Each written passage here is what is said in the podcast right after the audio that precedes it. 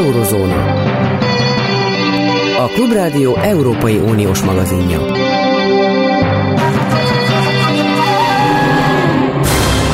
Jó napot kívánok! Vajon jól interpretálom-e eh, Benjamin Netanyahu, izraeli miniszterelnök szavait, aminek első része arról szól, hogy eh, eh, nem lesz soha két állam a palesztin területeken, csak zsidó állam lehet, vagyis palesztin állam nem, és kettő, azt mondja, hogy Izrael mindenképpen akármi történik is, katonai kontrollt fog örökre gyakorolni a, a Jordán folyó nyugati partján, és a gázai jövezetben. Szóval jól interpretálom, hogy ez tulajdonképpen azt jelenti, hogy Izrael de facto bekebelezi ezeket az általunk megszállt területeknek nevezett régiókat. Kérdezem Kis Benedek József jeles biztonságpolitikai szakértőtől. Jó napot kívánok!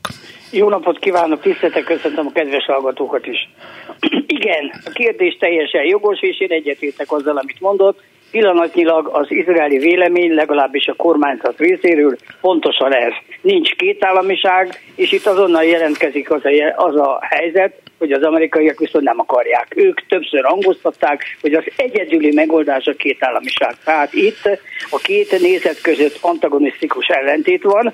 Hát, hogy most ez hogyan lesz majd a jövőben néhány év, vagy mondjuk évtized óta, végül is ez a konfliktus 1948 óta gyakorlatilag folyamatosan zajlik, különböző szinten. Hát, hogyha ezzel marad, hogy semmiféle megállapodás nem lesz, akkor terrorizmus, szembenállás, intifáda, illetve azzal kell számolni, hogy a viszony az arab országokkal is meg fog romolni Izrael részéről, gondolok itt azokra az országokra, akikkel egyébként vagy békeszerződés van, vagy az Ábrahám megállapodás alapján esetleg egy lehetőség arra, hogy fölveszik a diplomáciai kapcsolatot és rendezik a viszonyt. Hát ez egyelőre úgy gondolom, hogy a gyakorlatban nem megvalósítható. Ha ez így történik, amit a Netanyahu mondott, az azt jelenti, hogy a lehető legrosszabb helyzet fog kialakulni. Ezt azzal is alá tudnám támasztani, hogy ugye az izraeli hadsereg kijelentette, hogy Gázaváros, illetve a Gázajövezet északi részén gyakorlatilag a kutató felszámoló műveleteket befejezték.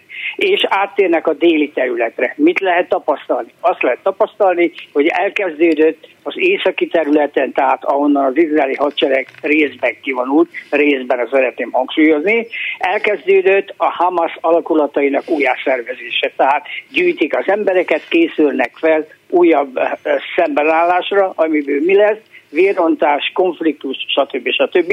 És nem szabad elfelejteni, hogy ennek azért van egy nagyon kemény regionális hatása is. Hát nem is szólva arról, hogy Izraelen belül ugye hát itt Cisjordán területeken elég aktívan tevékenykedik a Hamas, illetve teljesen bizonytalan az északi rész. Sőt, a napokban azt lehetne tapasztalni, hogy a Jordán hadsereg is közelebb hozta a határhoz az alakulatokat. Na nem azért, mint hogyha megtámadnák Izraelt, mert nyilván ilyen lehetőség nincs, de azért ők is biztos, ami biztos alapon készülnek arra, hogy esetleg egy közel-keleti konfliktus nehogy kialakuljon, és náluk is a határ nem Izrael felé szeretném hangsúlyozni, hanem észak felé, tehát Szíria felé, a szíriai polgárháború miatt, a iráni jelenlét miatt Szíria területén, hát finoman szólva is bizonytalannak nevezhető. Tehát nyugodt és és komoly eh, jövővel nem számolhatunk. Én úgy gondolom, hogy ez a küzdelem egyelőre folytatódni fog. Meglátjuk, hogy az amerikaiak milyen nyomást tudnak gyakorolni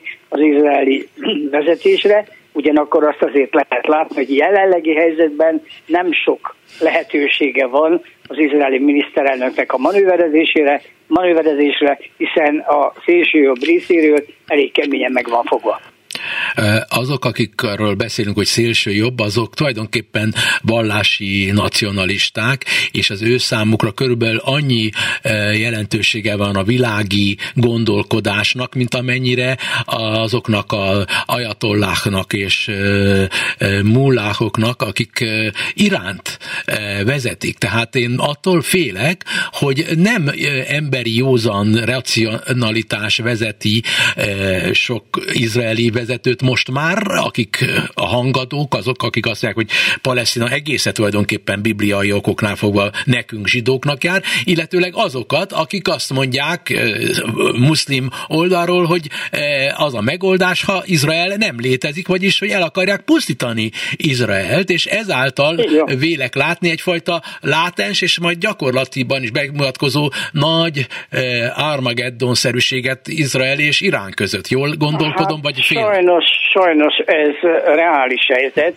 Tudnélik a szélsőséges vallásos pártok esetében, illetve emberek esetében nyilván a pártokat az emberek alkotják, tapasztalható az, hogy Izrael államok nem ismerik el. Tehát ettől kezdve minden elképzelhető, és hát nyilvánvaló, hogy a izraeli miniszterelnök olyan helyzetben van, hogy neki most ez a konfliktus jó, abból a szempontból, hogy a saját dolgait tudja rendezni, magyarul nem indítanak ellene eljárás addig, ameddig ez a konfliktus tart. Tehát sajnálatos módon pont az izraeli vezetés is érdekelt, abból legalábbis a Bibi-féle csoport, hogy folytassák ezt az egész palesztin összetűzést, mert addig nagy változás nem lesz. Utána, ha ez leállna, akkor elképzelhető, hogy esetleg eljönne egy olyan időszak, amikor nézzük vannak, hogy ki miért felelős. Ez nem érdeke Netanyahu-nak.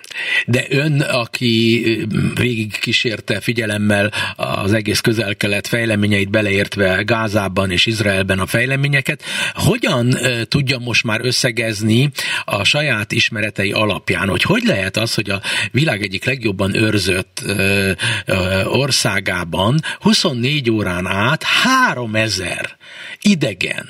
Gázából átment csőcselék garázdálkodni tudott, és eközben az ott lévő kis települések, kibucoknak a lakói nem voltak felfegyverezve, holott, aki Izraelben jár, gondolom ön, mint diplomata, amikor ott járt, észrevette, ma még inkább észrevette, hogy egész Izrael fel van fegyverkezve, hiszen rengeteg polgárnak van lehetősége arra, hogy megvédje magát éppen a terroristák ellenében, és ott hagyták, legalábbis úgy tűnik nekem személy szerint, hogy ezeket a szerencsétlen eh, kibuclakókat ott hagyták, szerencsé, és nem is értem, hogy hogy lehet, hogy ennyi ideig ott hagyták.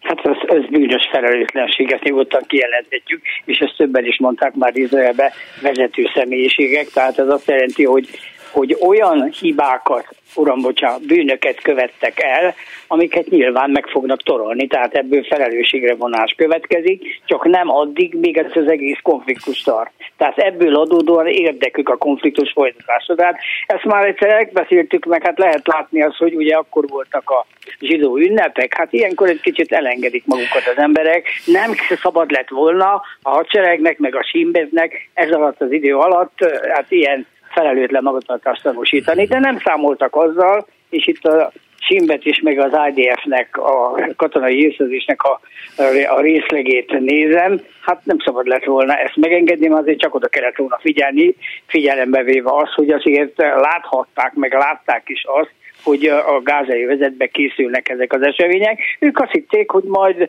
Libanon irányából jön valami támadás, de az sem valószínű, mert jöttek olyan információk, hogy a Hezbollah és ez részben megfelel az igazságnak, nem akar támadni. De az a fejlettségű katonai hírszerzés, amivel Izrael rendelkezik, és politikai hírszerzés, stb., arról ön feltételezi, hogy az óruk előtt lezajlott éveken át történt, gyakorolt végigcsinált építkezés, hogy 600 kilométernyi alagutat építenek az óruk előtt, és most meglepődve veszik tudomásról, hogy épült 600 kilométer alagút, egy olyan részen, amelynek infrastruktúrája totálisan izraeli kézben van? Vagy hát ez 40 éve folyik ezeknek az alagutaknak az építése, tehát ez nem az utóbbi időszakban. Hát Igen. először a egyiptomi határ felé építették ezeket az alagutakat, mert ugye le van zárva. De ezt határ, tudták az izraeliek.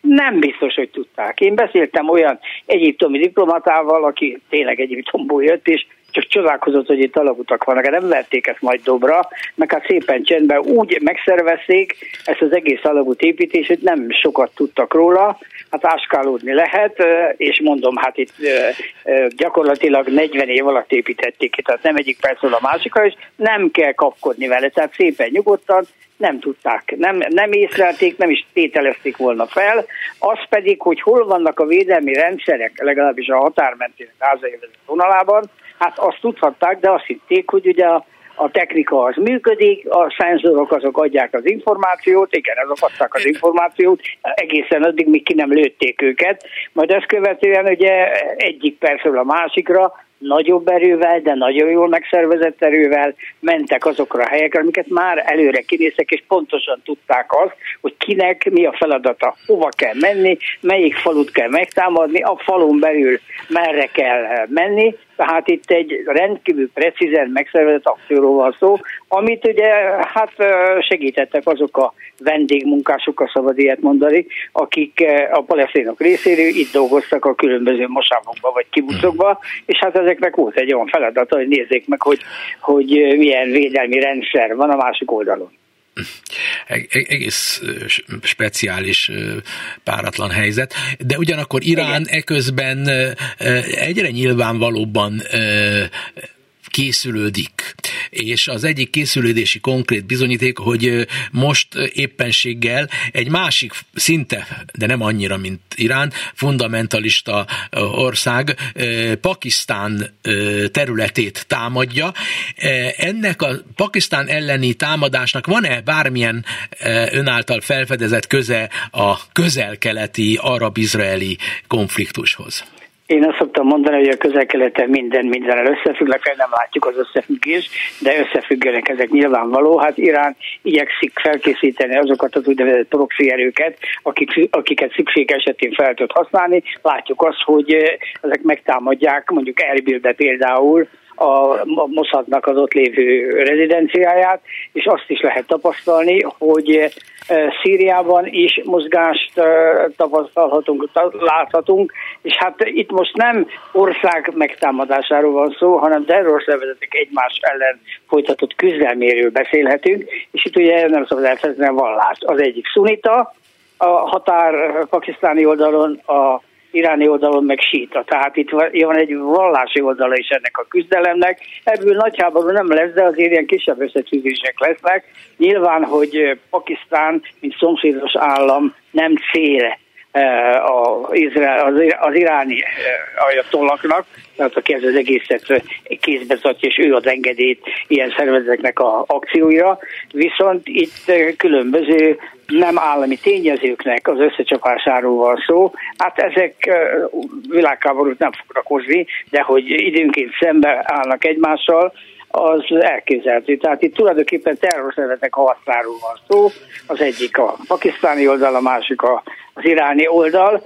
Ugyanakkor lehet látni, hogy az Irán az által, hogy jó viszonyban van Oroszországgal, és hát azért azt látjuk, hogy az elmúlt időszakban elég szoros kapcsolat jött létre a két ország között. Úgy érzi Irán, hogy adott helyzetben azért Oroszország mellette van, mint ahogy láttuk, hogy mondjuk Almas embereit fogadták például Moszkvába. Tehát itt azért összefüggések, különböző együttműködések azért összeérnek, és a hát nyilvánvaló, hogy ez az egész régiót, az egész régiót egy bizonyos helyzetbe hozza. Igen, úgyhogy nem csupán a közél-keleten függ össze minden, mert ön éppen szóba hozta Oroszországot, és ez a fontos kérdés innen nézve mindenképpen, mert közelebb van hozzánk, hogy vajon Oroszország A beleegyezne-e abba, és ölbetett kézzel nézni, hogy Irán beavatkozik konkrétabban is az izraeliek ellen, B. E, Iránnak a katonai támogatása most van-e olyan fontos döntés, döntő jelentőségű, hogy az irániak által leszállított drónok és egyéb fegyverek lényegi részét fogják, képezik az Ukrajna elleni orosz háborúnak. Tehát ki van-e szolgáltatva Oroszország Iránnak, nem csak Irán Oroszországnak? Ez a kérdés. Ez így van. Ez így van. Itt mind a kettő egymásra van utalva. Természetesen az iráni drónok nagyon fontosak Oroszország számára. Nekik nem volt uh, dróngyáruk, az iránek segítségével építettek, és azért szépen lassan az oroszok is rájöttek arra, hogy a drónokkal harcolni egyrészt sokkal olcsóbb, másrészt pedig sokkal uh, komolyabb eredményeket hoz. Tehát nyilvánvaló, hogy itt van egy érdek és datszövetség a két ország között, ebből adódóan Oroszország profitál, Irán pedig úgy érzi, hogy Oroszország mellette van, amit mondjuk még eddig nem bizonyítottak, de attól függetlenül bizonyára van egy védelmi szerződés is a két ország között, és akkor ebbe a sorba harmadik tagként besorolnám természetesen Észak-Koreát, aki pont azokból a lőszerekből biztosít számukra eh, jó néhány darabot, mármint az oroszok számára, ami hiányzik, tehát itt gyakorlatilag a 152-es, mert ugye azt használnak, Taraszkhoz kellene nekik lőszer. Na most egybe katonaként nem vagyok biztos, hogy vajon milyen minőségűek ezek az észak-koreai lőszerek, mert hát azért láttunk már ott egy-két meglepetést, vannak ott olyan uh, alakulatok, ahol tulajdonképpen nem is igazi fegyverek vannak, hanem ilyen maketszerű dolgok. Ki tudja, mikor gyártották le ezeket a lőszereket, na most ezek a lőszerek egy idő után, hát hogy szokták mondani, megromlik, mint a, mint a szőlő, azt sokáig tárolják, vagy egy gyümölcs. Tehát, hogyha majd kipróbálják ezeket a harcba, akkor fogjuk meglátni, hogy vajon minőségi szempontból mit érnek ezek az észak-koreák, de feltételezem, hogy vittek magukkal az oroszok mintát, otthon megvizsgálják, és hát most ebből a szállítmányból fognak majd a tavaszi hadjárat során felhasználni az ukránok el. Roppant veszélyes tengely ez az észak-koreai iráni orosz Elég. együttműködés, és az a kérdésem, hogy e, fölösleges aggodalom-e, vagy aggodalom keltés, ha én azt állítom, hogy mikor, ha nem most, amikor úgy tűnik, hogy Amerika káosz szerűségben, legalábbis orosz szemmel nézve, káoszerűségben van, amikor Nyugat-Európában ilyen mély szakadékok kezdenek kialakulni a különböző Európai Uniós nemzetállamok között, legalábbis kelet és nyugat között, amit föl lehet még turbozni, hogy nem éppenséggel most kellene Iránnak és Oroszországnak e, e, dűlőre vinni a dolgokat. Ha tovább várnak, mondom én, akkor elveszítik azt a előnyüket, hogy ők látszólag, és önmagukat így hitetetik el, hogy, hogy önmaguknak így hitetik el, hogy, hogy most itt van nálam a momentum, nálam van a lehetőség. Hát ez azért benne van a lehetőségek között. Most én nem Európára gondolok, hanem Izraelről. Tehát látszik, hogy azért Izrael nagyon sok olyan kihívásnak van kitéve, amit hogyha összeadunk, akkor annak a kezelése rendkívül nehéz. És azt látjuk is, tehát itt a izraelek is mondogatják, hogy ők már így győztek, meg úgy győztek, hát ez mondjuk eh, elés, erősen megkérdőjelezhető, és nem lehet tudni, tényleg nem lehet választani, hogy most az irániak hogy döntönek. Ők közvetlen nem akarnak beavatkozni, az majd nem biztos, mert tudják azt, hogy az amerikaiakat, illetve az izraelieket, hogyha hogyha felbőszítik, akkor ők is kapnak néhány rakétát esetleg, vagy légicsapásokat, de azt azért látni kell, hogy Irán óckodik attól, hogy nagyobb támadást indítson, mert elég az, hogyha piszkálja a másik oldalt, gyengíti, egy folyamatos gyengítésre megy rá, és ezt a proxikon keresztül el tudjuk intézni, látjuk a útik helyzetéből, látjuk a Hezbollah fenyegetéséből, ami azért, amire azért csak oda kell figyelni. Hát ha megnézzük azt, hogy Izrael lakosságának jelentős részét az északi közelből kitelepítették, azért ez nem kifejezetten örömmel tölti el az ott lakó embereket, hogy vagy jó helyre kell szaladgálni, vagy egyáltalán nem is mennek arra.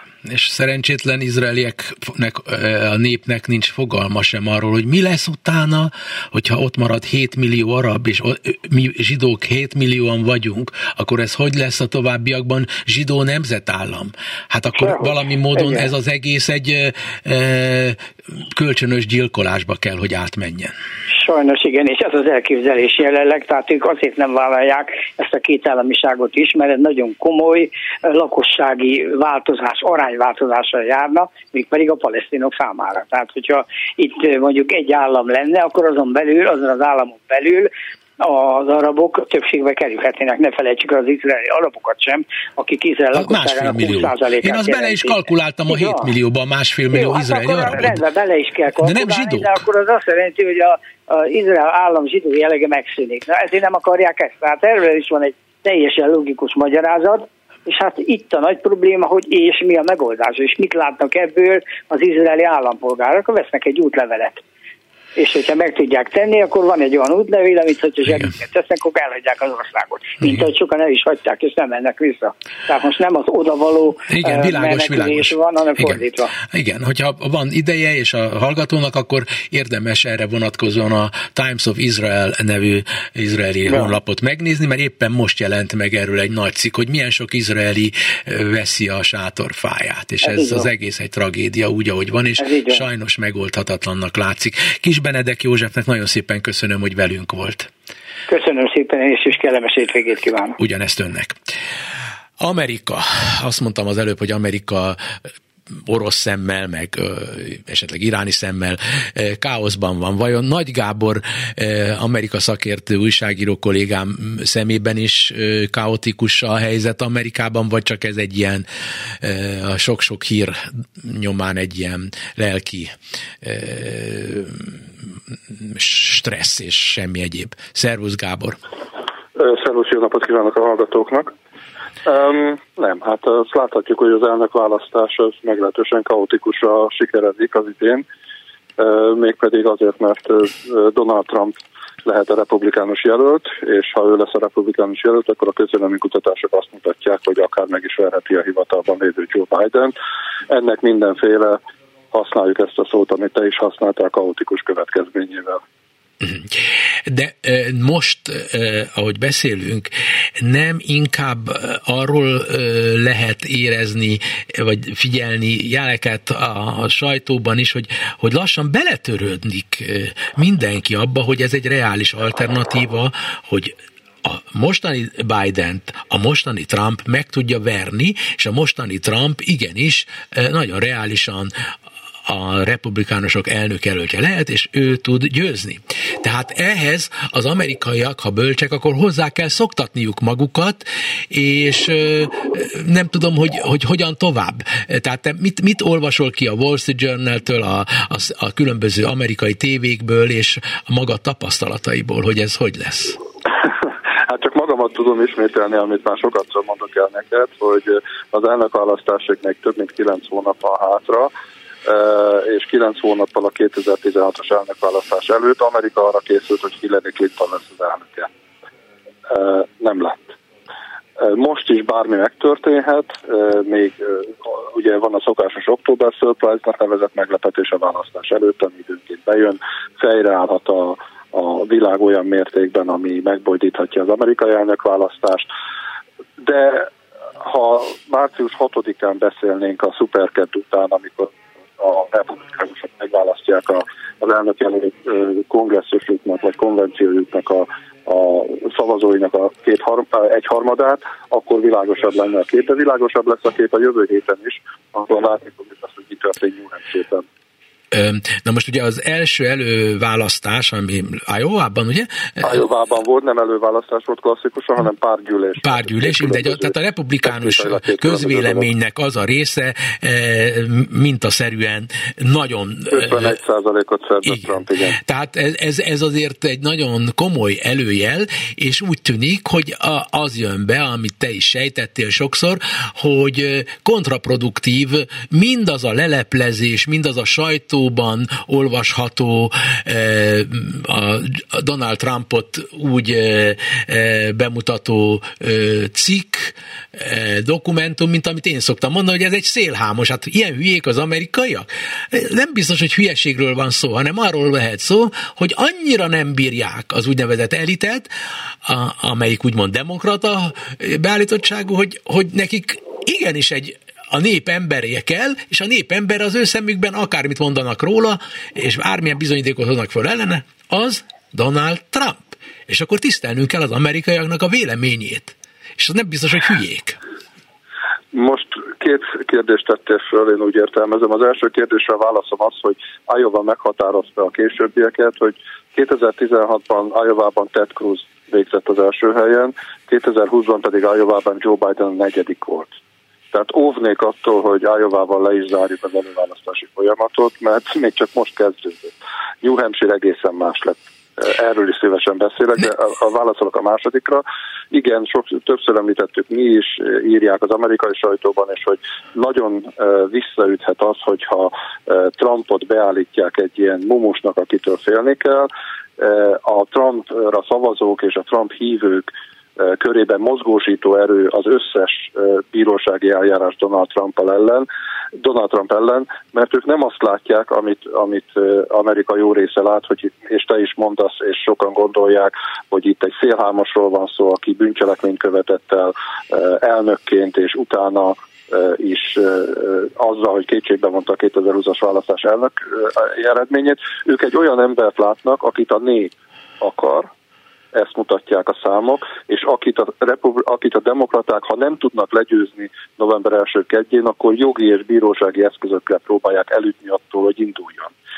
Tehát két különböző képet látnak azok, akik Trumpra szavaznak, és azok, akik szeretnék mindenképpen elkerülni, hogy, hogy Trump legyen az elnök. Erre mondják azt a higgadtabb Trump ellenesek, hogy a legjobb az lenne, hogy Trumpot legyőzni az elnökválasztáson, és akkor eltűnni a sügyesztőben. Valóban ebből a szempontból a Trump jelenség megszüntetésének ez lenne a legjobb dolga nem a felé tartunk. Nem, azért nem, egyebek között, ugye ezzel egyetértesz, mert már magánemberként beszélgettünk egymással, hogy, hogy, hogy Biden nem egy népszerű ember, és öreg hát emberként van. Nem kell magánbeszélgetésben beszélgetni, a számok azt mutatják, hogy az elnökségének ebben a szakaszában még Donald Trump sem volt olyan népszerűtlen, mint Joe Biden most. Tehát Annyira népszerűtlen. Uh-huh annyira népszerűtlen nem volt. Rosszul mondtam, rosszul fogalmaztam. Nem, jól fogalmaztam, az nem volt olyan, nem, lehet, hogy jól fogalmaztál, de megsüketültem, úgyhogy tök minden. Nem a lényeg volt, az, nem hogy volt, ez. Tehát népszerűtlen Joe Biden az elnöksége harmadik vagy negyedik évében, az utolsó évében mint amilyen Donald Trump volt, mindazzal, amit akkor már tudtuk róla, tehát ez önmagában meghatározza azt a fajta versenyfutást, ami az idén kialakulni látszik, Igen. hogy egy rettenetesen népszerűtlen elnökkel indulnak a demokraták Igen. neki, egy magát néptribunusnak beállító Igen. Szélhámas politikusnak. Egy ö, nagy mágnás ö, nyilatkozott a CNBC-n, a Davosban, egy amerikai, és azt mondta, hogy tulajdonképpen miért kell problémázni. Az Egyesült Államok, ha Donald Trump kezébe kerül, az nem, nem lesz rossz Amerika, mert a végeredményben, ha visszagondolunk, csupa jót csinált Donald Trump. Na most ez az ember, kimutatták, hogy akkor, amikor elnök volt Donald Trump, csupa rosszat mondott róla, és lám a memória megszépíti, vagy e, e, kihagyja azokat a dolgokat, amelyek közben történtek, és úgy emlékeznek vissza, mint egy tulajdonképpen jó elnökre. Donald Trump. Hát, Lindsey Graham 2016-os kampányban Lindsey Graham szenátor eh, indult Trump ellen, és amikor még eh, bocsánat, indult a republikánus jelöltségért, és azért Trump ellen, és amikor még a Trump riválisa volt, akkor elég kemény dolgokat mondott róla, majd amikor Trumpot megválasztották, onnantól fogva a szenátusban az egyik legnagyobb támasz. Uh-huh. És csupa jó dolgot mondott Trumpról, arról az emberről, akiről alig másfél évvel korábban csupa rosszat mondott. Tehát valószínűleg van ebben köpönyeg forgatás is, és van ebben emlékezés is arra. Valóban az a Trump népszerűségét az is táplálja, hogy őre úgy emlékeznek vissza, mint adócsökkentés hajtott végre, őre úgy emlékeznek vissza, hogy akkor jobban éltek az amerikaiak. Ugye itt a klasszikus kérdés, ami a magyar választásban is felmerült. Jobban éltek, jobban éltek. A válasz erre az, hogy mert nem volt infláció. Gábor, azra kérlek, hogy próbálj olyan helyre állni, ahol nem, na, nem szakadozik a vonal, ahogy mondani szoktuk. Ugyanazon a helyen álltam Végig? folyamatosan. Én nem tudnék, én föl alá járkálnék, de hát hiába ez a nagy különbség köztünk. Te egy nyugodt ember vagy, én meg idegbajos. Na, a lényeg viszont az az, hogy az, a, akinek e, sokan szurkolnának, és megért, hogy republikánus elnököt akar Amerika, az Nikki Haley, a ö, e, hölgy, aki indiai származású, és mint ENSZ nagykövet e, roppant mód figyelemre méltó volt a tudásával, a vitakészségével, és sokak ö, itt messze Amerikától úgy gondolják, hogy ha konzervatívok, akkor ö, látván, hogy milyen ez a Trump, vagy gondolván, hogy abból csak baj lesz, ö, neki szurkolnak. Van neki még esélye Nikki Haley-nek? Um, ő erre azt mondta, és ezt támasztják alá a számok is, és a, a magának az elnökválasztásnak a lebonyolítása is, hogy ez nem, nem sprint, hanem maraton. Tehát nem arról van szó, hogy kinyeri meg Ájovát, hanem arról van szó, hogy kinyer a szuperkedden, és kinyer azt követően még a fontos márciusi előválasztások. A március második felén már látnivaló lesz, hogy ki lesz a republikánus elnökjelölt, addig kell kitartani a Nikki Haley-nek. Nikki Haley Ájovában harmadik lett, nem sokkal lemaradva Ron DeSantis mögött, de most New Hampshire jön, a jövő héten, ahol egy lényeges, két lényeges különbség van. Az egyik az, hogy ez egy valódi előválasztás, ahol szavazókörökben szavazógépeknél adják le a voksaikat az emberek, ez az egyik. A másik, hogy New Hampshire-ben félig, úgynevezett félig nyitott előválasztás van, vagyis nem csak azok vehetnek részt az előválasztáson, akik republikánusként regisztrálták magukat, hanem azok, akik függetlenként is és függetlenként sokkal többen regisztrálták magukat, mint New Hampshire-ben, és Nikki Haley és az ő követői és az ő támogatói most a függetleneket próbálják meg mozgósítani. Uh-huh. Tehát New Hampshire-ben eleve sokkal kisebb a különbség, 4 és 7 százalék között mérik a különbséget a, a több mint 30-al szemben, ami Ájavában kialakult, és ez nagyrészt azoknak köszönhető, akik szavazhatnak. Most nem véletlenül kezdte el Trump teljes erővel támadni Hélit a beszédeiben és a hirdetéseiben, mert a Héli megelőzi New Hampshire-ben, ne adj Isten, akkor lendületet tud venni, és az elnökválasztás nem csak maraton, ez egy kicsit képzavaros lehet, hanem a lendület is. Tehát ha valaki lendületet szerez, ahogy Trump szerzett 2016-ban, akkor a későbbi előválasztási helyeken, államokban mellé állnak a szavazók, és ami még fontosabb, mellé áll a pénz. Jelenleg uh-huh. Haleyhez áramlik a republikánus establishmentnek a pénze, és abban bíznak, hogy New Hampshire-ben tud venni egy olyan lendületet, hogy eh, minimális lesz a különbsége Trump mögött, vagy akár meg is előzi, pont azért, mert New Hampshire beengedi a függetleneket szavazni. Nikki Haley mintha programot tudna nyújtani, bár nem ismerem részletesen, és jó lenne, ha te elmondanád, hogy tulajdonképpen miről szól Nikki Haley programja. Donald Trump csak létezik. Azzal, hogy létezik, neki nem kell semmi különöset se csinálni. A létezésével tud hihetetlen mennyiségű amerikait maga mögé állítani. Tehát mi a lényege Nikki Haley programjának? Programot, programot az amerikai elnökválasztáson szinte senki nem mond. Jelszavakat mondanak, és a személyiség számít. Tehát a 2000-es elnökválasztásra, amit mind a ketten átélhettünk, vagy tudósíthattunk róla, emlékeztetnék, ott El Gore volt, aki programot mondott, és fölépített programot mondott, és George W. Bush volt, aki jelszavakat mondott, és a személyiségük is különböző Aha. volt. El Gore volt az, aki a tojásfejű értelmiségi volt, és a George W. Bush volt az, akivel, akit az ember hátba veregetne, vagy megint nevel egy sört a különbséget láttuk a elnökválasztás végeredményén, és itt is arról van szó, hogy Héli képviseli azt a hát az MDF jelszavával szólva azt a fajta nyugodt erőt, amit a republikánus párt szeretne sugározni magáról, mondjuk Joe Bidennel és Donald Trump szemben is. Hm. De hát akkor ez, ez nem valami jó előjel, mert hogyha eh, én eh, tényleg el tudom képzelni, hogy Donald trump simán el tudok beszélgetni, és el tudom képzelni, hogy tényleg Nikki Haley, akinek szurkolnék, az, az, az olyan távolságtartó lenne velem, nem azért, mert e, olyan vagyok, amilyen vagyok, hanem, hanem ő el tudom képzelni, olyan előkelő. A, a, a Donald Trump pedig olyan, aki, aki bárkivel szót tud érteni.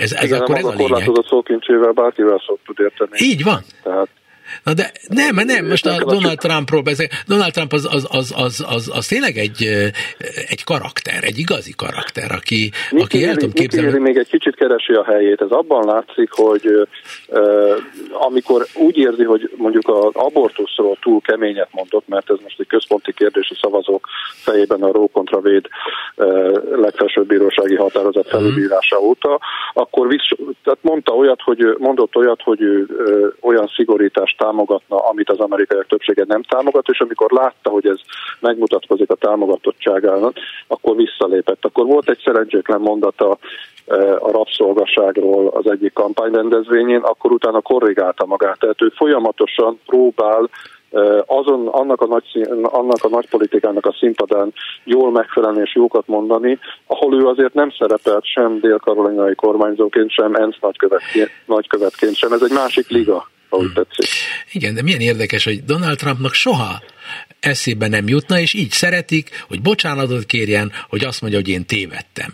Mások mind, mindenki azt mondja, tévedtem, elnézést kérek, Koreában meghajolnak, Japánban meghajolnak, és letérdelnek, hogy bocsánat, bocsánat. Mai világban, Magyarországon is tapasztaljuk, azoknak áll a világ, akik azt mondják, hogy én soha nem tévedek. Én nem hazudok. Akik azt mondják, hogy hazudnak, azok, azok hazudok, azok, azok hazudnak. Ha azt mondom, hogy ők a nácik, akkor valószínűleg én vagyok a náci, de nem nácizom a nácika. Az egész világ, mintha pontosan felborult volna, és az a rend, ami nekünk, nekem legalábbis tetszett, évtizedeken keresztül, hogy úri emberek vagy, az már nem divat.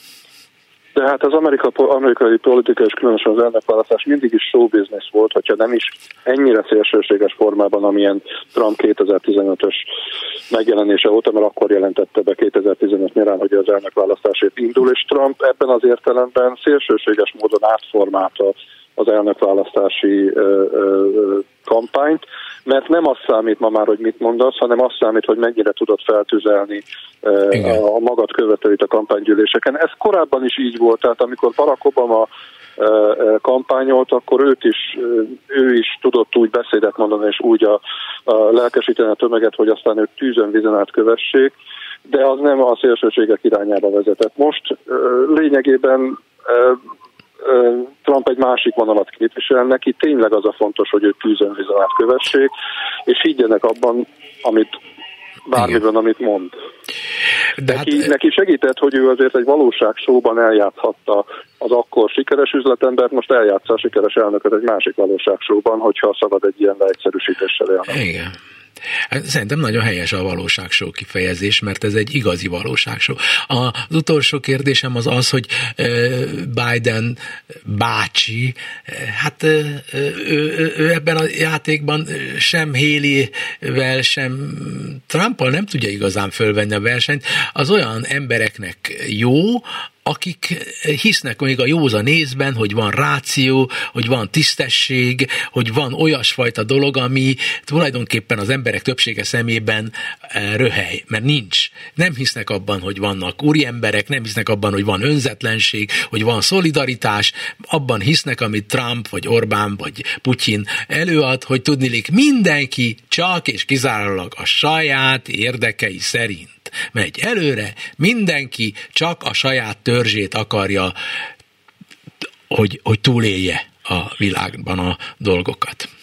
Hát Biden legnagyobb hátránya az, az életkora és a szemmel látható egészségi állapota. Tehát a, ha az amerikaiakat úgy általában kérdezik meg, akkor a kétharmaduk nem akar Trumpot és nem akar Biden-t, ők valaki mást akarnának, csak erről őket nem kérdezik meg. És a demokraták között minden közéleménykutatás azt mutatja, hogy Biden aggódnak amiatt, hogy Biden egész egyszerűen nem lenne alkalmas még négy évre a Fehérházban, mi történik, hogyha nem bírja ki, és akkor Kamala Harris lesz az utódja, akit erre nem tartanak alkalmasnak, és egyáltalán mi történik Amerikával, hogyha túl idős, most leegyszerűsítve megint az elnöke. Tehát ez a fajta kétség van, de a demokratáknak sem kínálnak más lehetőséget maguk a demokraták és a demokrata szavazók. Ezért, ezért vagyunk ezen a pályán, és nagyon vicces volt olvasni a Wall Street Journalnek az ajovai előválasztás utáni szerkesztőségi véleményét, amely Wall Street Journal általában konzervatív álláspontot képvisel, és most szinte könyörgött a demokratáknak és Bidennek, hogy, hogy állítsanak egy másik jelöltet, mert csak így lehetne megállítani azt a Trumpot, akit a Wall Street Journal sem szeretne elnöknek. Köszönöm neked okosodtam, az nem nagy dolog, de szerintem minden hallgatónk is. Úgyhogy köszönöm, legyél egészséges. Köszönöm, jó hétvégét. Cimer Gábor, a szlovákiai magyar szó elemzője, újságíró a vonalban. Jó napot kívánok, Gábor! Jó napot kívánok, és üdvözlöm a kedves hallgatókat is.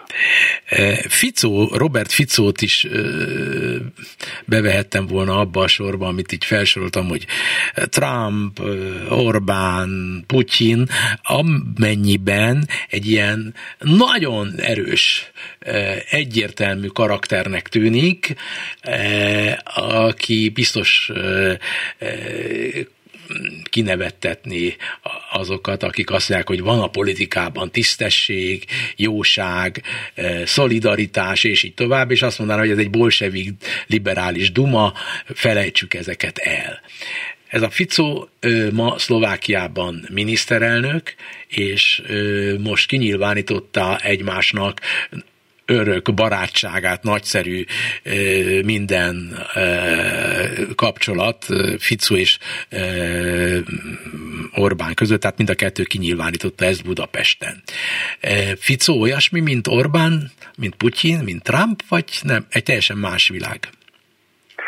Ez valóban egy nagyon jó kérdés. Robert Fico nagyon sok átalakuláson, metamorfózison ment keresztül a politikai pályája kezdete óta, a 90-es évek eleje óta egy a baloldaliságot hangsúlyozó szociáldemokrataként kezdte, de egy rövid ideig a harmadik út jelszavát is a zászlajára tűzte majd pedig kormányra kerülései során a szélsőséges nacionalista szlovák nemzeti párttal, de akár még Vladimir Mecsiárral is közösen kormányzott.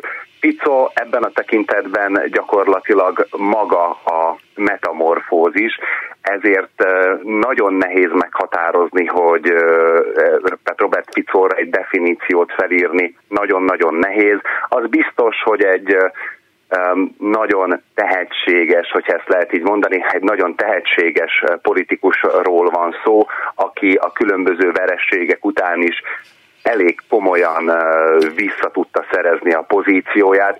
Elég azt felidézni, hogy 2018-ban, amikor is ugye meggyilkolták Ján Kuciák oknyomozó újságírót és kedvesét Martina Kusnyírovát, az ezt követő politikai válság nyomán Ficónak le kellett mondania, ugye akkor kellett átengednie a kormányrudat Peter Pellegrininek, és Pico 2018-ban háttérbe vonult, a 2020-as választásokat a pártja el is vesztette, egy vele szemben lévő oldal tudott kormányt alakítani 2020-tól 2023-ig, de 2023-ban egy előrehozott parlamenti választás során Pico megerősödve, rendkívül komoly pozíciókat visszaszerezve tért vissza a hatalomba, ahol újra a szélsőségesen nacionalista szlovák nemzeti párttal kormányoz együtt, illetve hát a harmadik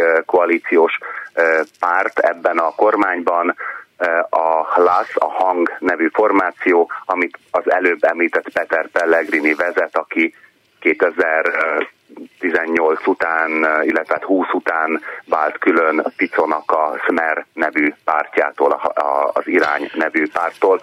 Tehát nagyon nehéz meghatározni, hogy Robert Pico valójában micsoda, amikor komoly korábbi tisztségviselőkkel beszélget az ember, akkor a legtöbben olyan véleményeknek adnak hangot, hogy magát Robert Ficot igazából egyetlen dolog érdekli, mégpedig az, hogy olyan helyzetet alakítson ki Szlovákiában, aminek következtében ő büntetlen maradhat.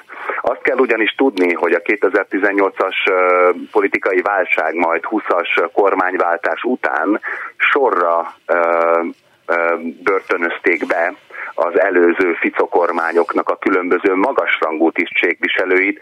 Ficónak a második, második számú embere, Robert Karinyák, korábbi belügyminiszter, ma védelmi miniszter, tehát Robert Karinyák is ült néhány hétig előzetes letartóztatásban, és az egybehangzó vélemények ezeken a háttérbeszélgetéseken azok, hogy Robert Fico valójában ezt az egész projektet azért azért hajtja végre, hogy hosszú távon biztosítsa magának a büntetlenséget, hogy egy következő kormány, vagy egy nyolc év múlva érkező kormány se tudjon olyan intézkedéseket hozni, ami őt magát, vagy a őt közvetlenül körülvevő embereket az igazságszolgáltatás elé állítaná. Minő hasonlóság Trumpal vagy Netanyahu-val nagyon átvitt értelemben, vagy át feltételesen Orbánnal. Tehát e, ezeknek a politikusoknak egyrészt a túlélésért kell küzdeniük, szinte szó szerint, másrészt, ha már, akkor ne csak túléljük, hanem uralkodjunk, ameddig csak lehet, akár az idők végezetéig. Ez, ez, ez egy nagyon fontos, pszichikailag is magyarázható ö, hozzáállás, és lehet, hogy sok mindenre az ad választ, hogy ha, ha beszél, a, a, a Ficó pszichológusra tudna válaszolni, de az nincs valószínűleg. De most ho, ho, ho, egyébként Szlovákia e, euróövezett tag, és a szlovák miniszterelnöknek nincs úgymond kétharmados többsége. Abban az esetben, ha egy párhuzamot próbálunk vonni e, a magyar miniszterelnök és a szlovák között, a két jó barát között, akkor azt lehet látni, hogy Ficó Szlovákiában gyengébb, mint Orbán Magyarországon. Így van? Ez valóban így van, tehát a szlovák kormány, a Robert Fico vezette szlovák kormánynak nincs alkotmányos többsége a szlovák parlamentben, messze van ettől. Azt kell mondani, hogy egy szűk többséggel, mindössze négy képviselőnyi többséggel rendelkezik a pozsonyi törvényhozásban Robert Fico. Ennek úgymond meg is látszik a bőtje, hiszen az ellenzék sikeresen tud obstruálni bizonyos intézkedéseket, amelyeket a Fico kormány szeretne mi hamarabb átültetni.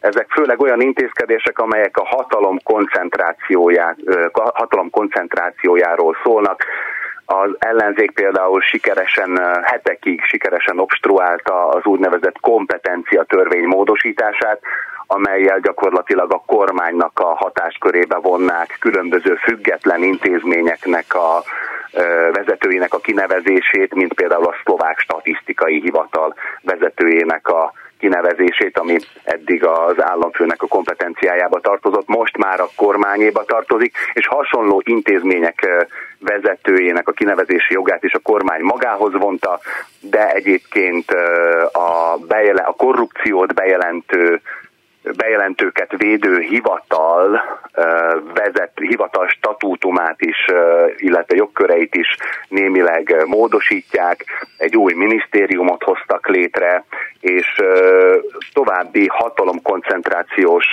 lépéseket hajtanak végre, de nem olyan szabad, vagy nem nincs akkora mozgástere Robert Ficónak ebben a folyamatban, mint mondjuk Orbán Viktornak volt 2010 után, hiszen Orbán Viktor alkotmányos többséggel rendelkezett a, a kormányzás 2010 utáni kormányzásának legnagyobb részében, illetve Szlovákia, Szlovákia esetében ezen lépések kapcsán az európai szintről is már az elején, tehát már most komoly jelzések érkeznek arra vonatkozóan, hogy az európai szereplők nagyon komolyan, nagyon komoly aggályokat fogalmaznak meg az általam előbb felsorolt lépésekkel kapcsolatban. Tehát Picónak a mozgástere jóval kisebb ebben a hatalom koncentrációs törekvésben, mint annak idején Orbán Viktoré volt, de azt is el kell mondani, hogy Robert Fico egy nagyon-nagyon ügyes politikus. Tehát a rendelkezésére álló kis mozgásteret is rendkívül hatékonyan tudja kihasználni, és a szlovák ellenzék, tehát a Picoval szemben álló politikai pártok is megpróbálják kihasználni a rendelkezésükre álló lehetés, lehetőségeket. Éppen tegnap csütörtökön este tartottak Szlovákia 24 városában ellenzéki vagy polgári kezdeményezésből összehívott tüntetést a kormánynak a a lépései ellen. Pozsonyban például csütörtök este nagyjából 25-26 ezer ember ment ki a térre az eső ellenére, és követelte azt, hogy Robert Fico illetve hát általa vezetett kormány állítsa le ezeket a lépéseket, hiszen például Fico fel szeretné számolni a speciális ügyészséget, amely a korrupció, tehát a korrupciós ügyek vizsgálatával foglalkozik, és egyéb hasonló lépéseket is tervez a az ilyen ügyeket felderítő rendőri egységet is megszüntetnék, és így tovább. Ukrajna ügyében Magyarországon ha nem is annyira konkrét ígéretet tett, mint ahogy a kormánypárti sajtó beállítani igyekszik itt Magyarországon, de azért jelezte, hogy ő nagyjából ö, olyan Ukrajna politikával ért egyet, mint a vendéglátó Orbán Viktor. E, állítólag ez a de facto nem igaz, mert alapvetően más az Ukrajna politikája, legalábbis e, ilyennek állítja be, most éppen a politikóban olvastam, hogy, hogy mennyire engedi a fegyverszállítmányokat tovább. E, tehát őnála ez a külpolitikai aktivitás, amit mutat Orbán Viktor, az eleve nem jelentkezik, illetőleg Ukrajna ügyében valóban visszavonul Orbán irányába, vagy pedig megy tovább az Európai Unió többi tagjával? Ez egy nagyon érdekes kérdés. Robert Fico és az általa vezetett Smer a szeptemberi parlamenti választást megelőző kampányban egy nagyon egyértelmű üzenettel kampányolt, mégpedig azzal, hogy egy töltényt sem adnak többé Ukrajnának. Tehát gyakorlatilag szó szerint ez volt a, a kampány szlogenjük. Aztán a választás után, amikor kormányt sikerült alakítaniuk, ez az álláspont azért némileg árnyalódott. Szlovákiának ugyanis, hát ha nem is jelentős, világviszonylatban nem jelentős, de az ország szempontjából semmiképpen sem elhanyagolható védelmi ipara van. Ukrajnának is szállított már Szlovákia úgynevezett, úgynevezett Zuzana 2-es típusú önjáró lövegeket, és ezekhez a lövegekhez, illetve hát más lövegekhez is Szlovákiában gyártanak lőszert. Ezek a vállalatok, ezek vagy állami, vagy félállami tulajdonban vannak, és ami után Robert Picóék megalakították a kormányukat, ezzel kapcsolatban az Ukrajnának való fegyverszállítással kapcsolatban már azt mondták, hogy ugyan az állami készletekből nem adnak Kievnek további fegyvereket vagy lőszert, de nem állják útját az úgymond kommerc alapon való fegyver eladásnak Ukrajna irányába. Na hát ugye az a helyzet, hogy Szlovákia 2000, hát a háború kirobbanása óta, vagy a háború kirobbanása óta eltelt időben gyakorlatilag, amit tudott a saját hadseregének raktáraiban lévő készletekből már átadott, beleértve azt a 11 néhány MiG-29-es vadászgépet is, amelyből talán négy volt röpképes, de a, tehát a raktárokból már nincs is nagyon mit uh, Ukrajnának adni, és Fico kormánya is Fico kormánya sem állja útját a kommersz alapon való fegyverszállításnak Ukrajnába, illetve amennyire ezt tudni lehet, a fegyvertransportnak sem állnak útjába. Ez Szlovákiában elsősorban azt jelenti, hogy a területén áthaladó különböző szállítmányok szállítmányok lényegében áthaladhatnak és az Ukrajnára vonatkozó európai szintű döntések legnagyobb részét, vagy érdemi döntéseket megszavazott Szlovákia is. Tehát nem volt olyan olyan, tehát Szlovákia nem tanúsított olyan magatartást, mint például Orbán Viktor, hogy Ukrajnának, ha jól emlékszem, a tagjelölti státuszáról való döntés során valamiféle tartózkodó álláspontra helyezkedett volna. Szlovákia ebben a tekintetben még mindig egy jó tanuló, tehát megszavazza az erre vonal, az ilyesfajta döntéseket. Ugyanakkor elkezdődött már egy másik folyamat is, a szlovák külügyminisztérium nem csatlakozott ahhoz a nyilatkozathoz, amelyet Joseph Borrell, az Unió külügyi képvisel, főképviselője és az amerikai Egyesült Államok együtt indítottak, indítottak amiatt, hogy tiltakozzanak a Oroszország, tiltakozzanak az ellen, hogy Oroszország észak-koreai gyártmányú rakétákkal lövi Ukrajnát. Ehhez a tiltakozó nyilatkozathoz Szlovákia már nem csatlakozott.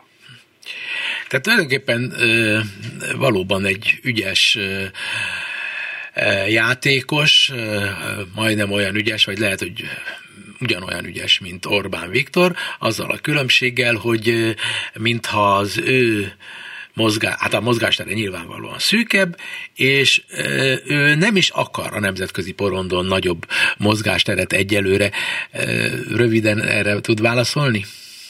Valóban tehát, hogy Fico kormánya nem ambicionálja azt, hogy nemzetközi játékossá váljon, például az Európai Parlamentben sem. Tehát nem hallani azt, hogy mondjuk az Európai Parlamentben valamiféle frakciót kezdeményeznének. Uh-huh.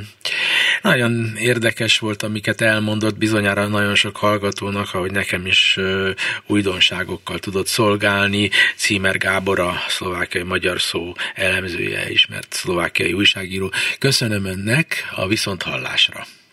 Én is köszönöm viszont hallásra. Simon Erika, Túri Lui és Bencsik Gyula nevében elköszönök Önöktől a viszonthallásra. Önök a Klubrádió Európai Uniós magazinját hallották.